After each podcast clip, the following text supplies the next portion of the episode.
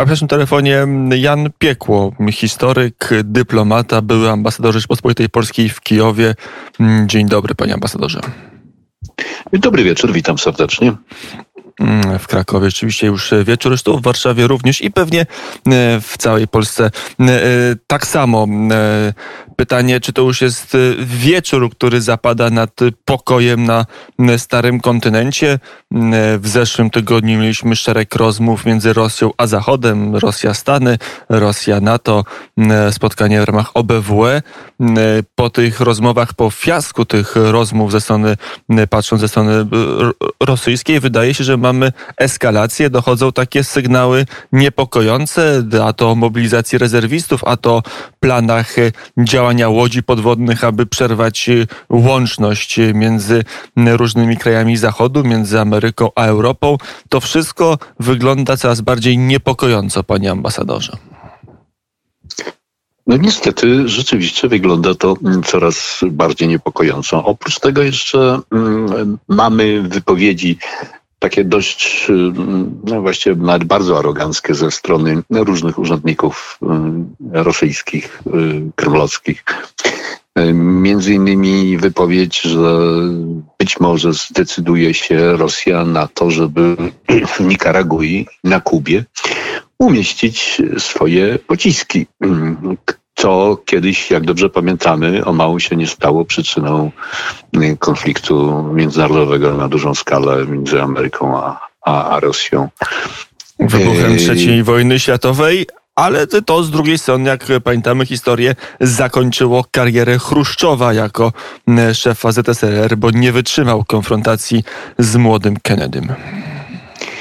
Jest pewna szansa, mm, y, że społeczeństwo rosyjskie też tego nie wytrzyma, ponieważ no, właściwie praktycznie cała opozycja, mm, przywódcy opozycji rosyjskiej z Nawalnym na czele siedzą siedzą w więzieniach.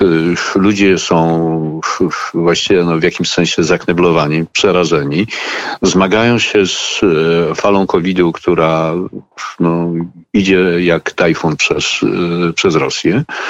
E, poziom życia no, dramatycznie maleje, a Putin wydaje pieniądze na, na zbrojenia i na przemieszczanie się techniki wojskowej, zaawansowanej techniki wojskowej, łącznie z rakietami, między innymi Iskander, z poligonów na wschodzie na, na zachód, więc yy, właściwie tak szczerze mówiąc... Przy okazji jeszcze tak? likwiduje memoriał po drodze. O tym warto pamiętać, a czasami o tym w polskiej przestrzeni e, zapominamy, bo to też bardzo wyraźny i niezwykle symboliczny akt zacieśniania e, przekazów samej Rosji.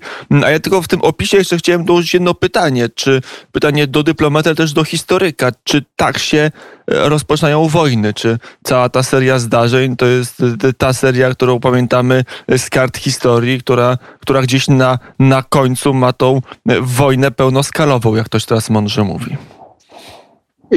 To po pierwsze muszę sprostować, że nie jestem historykiem, jestem z wykształcenia filologiem polskim. Natomiast historią się oczywiście zajmuję od dawna i, i jest to również jakaś ta moja pasja. Natomiast no co do tego, czy jak będzie wyglądał świat za, za, za 5-6 y, lat, czy jutro, czy pojutrze, czy po pojutrze, no to, to właściwie y, nie bardzo, nie bardzo wiemy. Co do tej takiej y, wojny pełnej skali, no to właściwie można by sobie tu, myśląc historycznie, przypomnieć sytuację z atakiem Hitlera na Polskę i z paktem Ribbentrop-Mołotow. E, Zachód po pierwsze no, nie pospieszył mimo gwarancji danych przez Wielką Brytanię i Francję e, na pomoc e, Polsce, ponieważ miał też informacje o tym pakcie ze Stalinem, więc to by było właściwie podwójne wyzwanie podwójne wezwanie by to było i e, no, takie jakieś myślenie pewnie gdzieś dominowało, że no Boże, no to się tam gdzieś e, będzie kutłamsiło w okolicach e, wschodniej Europy, ale do nas nie zawita. I myślę, że to w tej chwili może się stać zupełnie podobnie, że ta Polska kiedyś to jest dzisiaj Ukraina. I wydarzenia mogą się potoczyć w podobnym porządku, tyle tylko, że że niestety z użyciem tak zwanej broni niespecjalnie konwencjonalnej, czyli broni, broni jądrowej. Z drugiej strony analitycy, którzy głowią się już od dobrych dziesięcioleci, jak funkcjonuje Putin, jak funkcjonuje jego polityka, jak funkcjonuje jego psychologia. Również podkreślają, że Putin nigdy nie lubił otwartych konfliktów, nie lubił wchodzić w konflikty, co do których nie był pewien ich wyniku, jak się skończą, że lubił ograniczone akcje, a tutaj, jeżeli chodziłoby o wojnę z Ukrainą, to raczej na ograniczonej akcji by się nie skończyło. Doszło doszłoby do realnej wojny, czego Putin starał się unikać. Wiele wskazuje na to, że to może być blef, że e, tego typu działanie do pełnej inwazji z wykorzystaniem dywizji pancernych to nie jest styl Putina. Czy pan ambasador z tego typu analizami by się zgodził? No, jeżeli chodzi o konflikt z, z Ukrainą, który zresztą i tak już od dawna trwa, e, to e, też uważam, że że Putin nie jest tu zainteresowany e, wojną pełnoskalową, natomiast e, on cały czas dysponuje wymyśloną na Kremlu metodologią hybrydową, która jest bardzo skuteczna, jak się okazuje. Po co, po co w takim razie uruchamiać działania wojskowe na ogromną skalę, skoro można destabilizować Ukrainę, również niestety przy pomocy rozgrywek politycznych wewnątrz e, samej elity ukraińskiej, mówię o konflikcie Żeleński-Poroszenko. Do tego jeszcze przejdziemy. No, tak, to jest bardzo ważny element i y, myślę, że, że tu plus jeszcze jakiś tam nacisk, który by spowodował e, to, że Ukraińcy nie będą mieli prądu, że będą kłopoty z, z energią. I wtedy y, rzeczywiście y, taki atak pełnoskalowy byłby, byłby zbędny. Myślę, że może do niego dojść y, w jednym głównie ważnym dla Rosji miejscu, czyli przy froncie w, w Mariupolu, gdzie Putin na pewno byłby, a właściwie chce na pewno mieć korytarz lądowy z, z Krymem, to by mu się bardzo, bardzo przydało, bo ma z Krymem ogromny kłopot, jak chodzi o, o, o wodę. No ale z drugiej strony, czy w, przy tej sytuacji na Ukrainie, oczywiście jest ten konflikt, o którym zaraz powiemy, bo e, Petro Poroszenko wrócił do Kijowa, e, zabrano mu paszport, e, jest o czym mówić, ale, ale powiedzmy, że Ukraina to już nie jest ta Ukraina z roku 14-15, że jeżeli, przynajmniej wszyscy o tym tak mówią, którzy się interesują i znają sytuację na wschodzie, że jeżeli doszło do interwencji, to już nie będzie poddawania się ukraińskich jednostek i cofania się, tylko będzie twardy opór i o każdy metr ziemi w stronę Krymu trzeba będzie walczyć i wysyłać kolejne jednostki, bataliony, brygady, a koniec końców pewnie i dywizje. Nie jest wykluczone, że rzeczywiście tak może być i że ukraińska armia w tej chwili to jest jedna z najliczniejszych armii na kontynencie europejskim, chyba trzecia. Y, I ona dysponuje w tej chwili całkiem niezłym uzbrojeniem, dysponuje doświadczeniem bojowym, jest y, wolą przeszkolona. I wolą walki. I to może być duży problem y, dla Putina, który sobie z tego zdaje sprawę, więc dlatego dla niego prostszym rozwiązaniem jest y, budowanie animozji wewnątrz obozu władzy y, elity politycznej ukraińskiej i rozsadzanie tej Ukrainy w, w, od środka, co może również do, doprowadzić do pewnych podziałów, jeżeli chodzi o mm, oddziały wojskowe. Y, I w, w, o w, wpływ ponieważ no, trzeba powiedzieć szczerze, że prezydent Poroszenko zbudował sobie bardzo duże, dobre wpływy w, w, zarówno w, służbach specjalnych, jak i, jak i w wojsku. Jest tam szanowany, ceniony. Y, I jeżeli by tutaj rzeczywiście doszło do mm, jakiegoś większego dramatu wewnątrz elity politycznej Ukrainy, y, to to może bardzo cudownie Putin wykorzystać y, w swoich sprawach. No zresztą on przecież to wykorzystał w 2014 roku wspierając Janukowicza, ale popełnił przy tym parę zasadniczych błędów i, i właściwie w jakimś sensie przegrał. I może teraz dysponuje wglądem i dysponuje nowym scenariuszem. E, gościem popołudnia wnet Jan Piekło, e, polski dyplomata, był ambasador Rzeczpospolitej e, w Kijowie. Na ile te zeszłotygodniowe rozmowy i, i dość twarda postawa z Zachodu z wyłączeniem jednego państwa, o tym jeszcze sobie też powiemy, bo dzisiaj minister spraw zagranicznych Federacji Niemieckiej, Federacji nie Niemiec była w, w Kijowie. Na ile to oddaliło, a na ile, a na ile to przybliżyło ewentualny konflikt między Rosją a Ukrainą? No raczej, raczej przybliżyło, ponieważ mm, Rosja dostała stanowcze nie, zarówno od NATO, jak i od Stanów Zjednoczonych. Właściwie odrzucone zostały wszelkie żądania rosyjskie odnośnie gwarancji o nierozszerzeniu NATO i niestacjonowaniu również wojsk amerykańskich i sprzętu natowskiego na, na terytorium krajów wschodniej flanki NATO. A tutaj była pewna obawa ze strony krajów Europy Wschodniej. Więc jeżeli y, y, Rosja uzyskała nie, no to ona teraz, y, żeby Putin nie stracił twarzy, to będzie myśleć o, o tym, żeby w jakiś sposób odreagować i żeby zademonstrować no. swoją przewagę.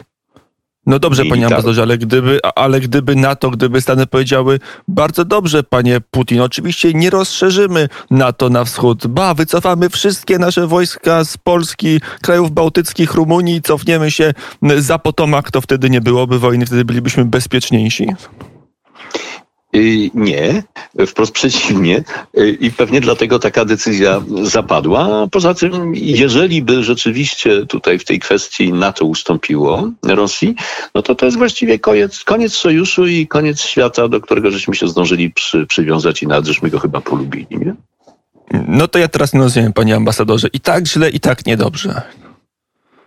Y, no no nadchodzi czas, kiedy trzeba, jak w pokerze też tak, że sprawdzam, nie? E, no i tutaj trzeba będzie po prostu sprawdzić, zareagować. I ja nie mówię, że to od razu musi się skończyć konfliktem militarnym. Natomiast no, może się skończyć y, tym, że być może dojdzie do zmiany władzy y, Rosji, bo i Putin nie jest wieczny, jego polityka niekoniecznie się podoba wszystkim Rosjanom. Y, I być może istnieje tam grupa, która by była zainteresowana tym, żeby dzieci y, oligarchów studiowały na zachodnich uniwersytetach i żeby można było korzystać z posiadania pięknych willi, czy to na wybrzeżu na Florydzie, czy, czy w Morzu Śródziemnym, czy we Francji czy w Hiszpanii. Więc y, taka pokusa jest dość duża i nie sądzę, żeby Rosjanie tak bardzo chcieli, że tak powiem, się tego pozbawić. Y, Putin nie jest człowiekiem młodym. Y, Putin w tej chwili jego popularność y, nie bije rekordów, plus przeciwnie.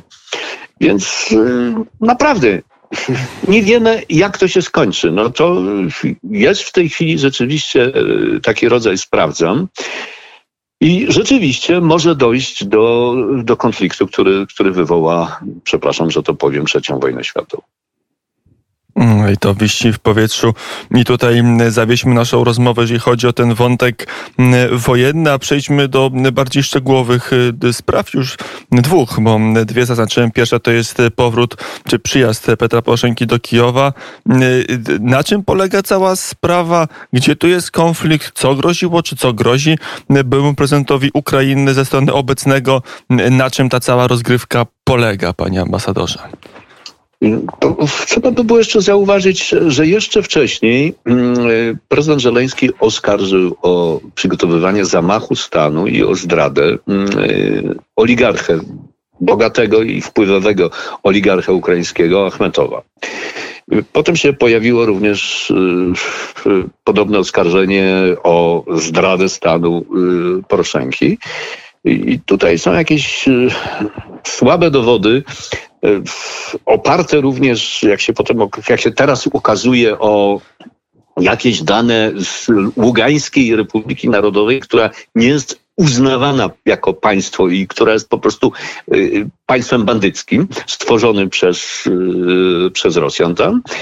Y, więc to wszystko ma takie słabe, słabe podłoże. No tu tam chodziło o niby sprzedaż węgla, z którego była finansowana, finansowane uzbrojenia dla Ługańskiej i Donieckiej Republiki, tak zwanej samozwańczej. I, i, i to myślę będzie bardzo trudne do udowodnienia w sądzie. Tym bardziej, że zdaje się, że sędzia się pogubił i że tam cały czas ta rozprawa trwa, a z kolei na ulicach jest potężny tłum zwolenników Poroszenki, którzy demonstrują w obronie demokracji, w obronie państwa prawa i demonstrują również wolę walki z Rosją. O, o, co zdaje się ich poprosił również Poroszenko, żeby to nie było tak, że tu chodzi o niego. Y, więc Zeleński jest w tej chwili w niezwykle trudnej sytuacji, tym bardziej, że jest nacisk dyplomacji zachodnich, szczególnie amerykańskiej, E, żeby po prostu tę sprawę w jakiś sposób rozwiązać, bo to tylko buduje możliwości dez, e, dezintegracji Ukrainy przez Rosję, destabilizacji, dezintegracji. Może się w pewnym momencie okazać, że nawet pełnoskalowa wojna nie będzie potrzebna. E, do tego jeszcze e, mamy gdzieś tam e, w tle wybory prezydenckie na Ukrainie, gdzie Petro Poroszenko staje się nie jest całkiem bez szans, żeby wrócić na fotel prezydenta Ukrainy. Zdecydowanie tak. I to chyba był jeden z motywów prezydenta Zoleńskiego, żeby wyciąć swojego rywala, kandydata na prezydenta, bo Poroszenko bez wątpienia będzie się chciał ubiegać o to stanowisko. I Żeleński, który jak pamiętamy mówił, że jego interesuje wyłącznie jedna kadencja i za jedną kadencję załatwi wszystkie sprawy, spotka się z Putinem i po prostu rozwiążą to, popatrzą sobie w oczy. Ani niczego nie rozwiązał, ani nie popatrzył Putinowi w oczy. No i, i w, myślę, że w, po prostu chce nadal być prezydentem, a żeby nim być, to chce się w tej chwili pozbyć rywala, który zwyskuje w sondażach. E, to jeszcze jeden i ostatni wątek naszej rozmowy. Wprowadźmy Jan Piekło, był ambasador Polski na Ukrainie.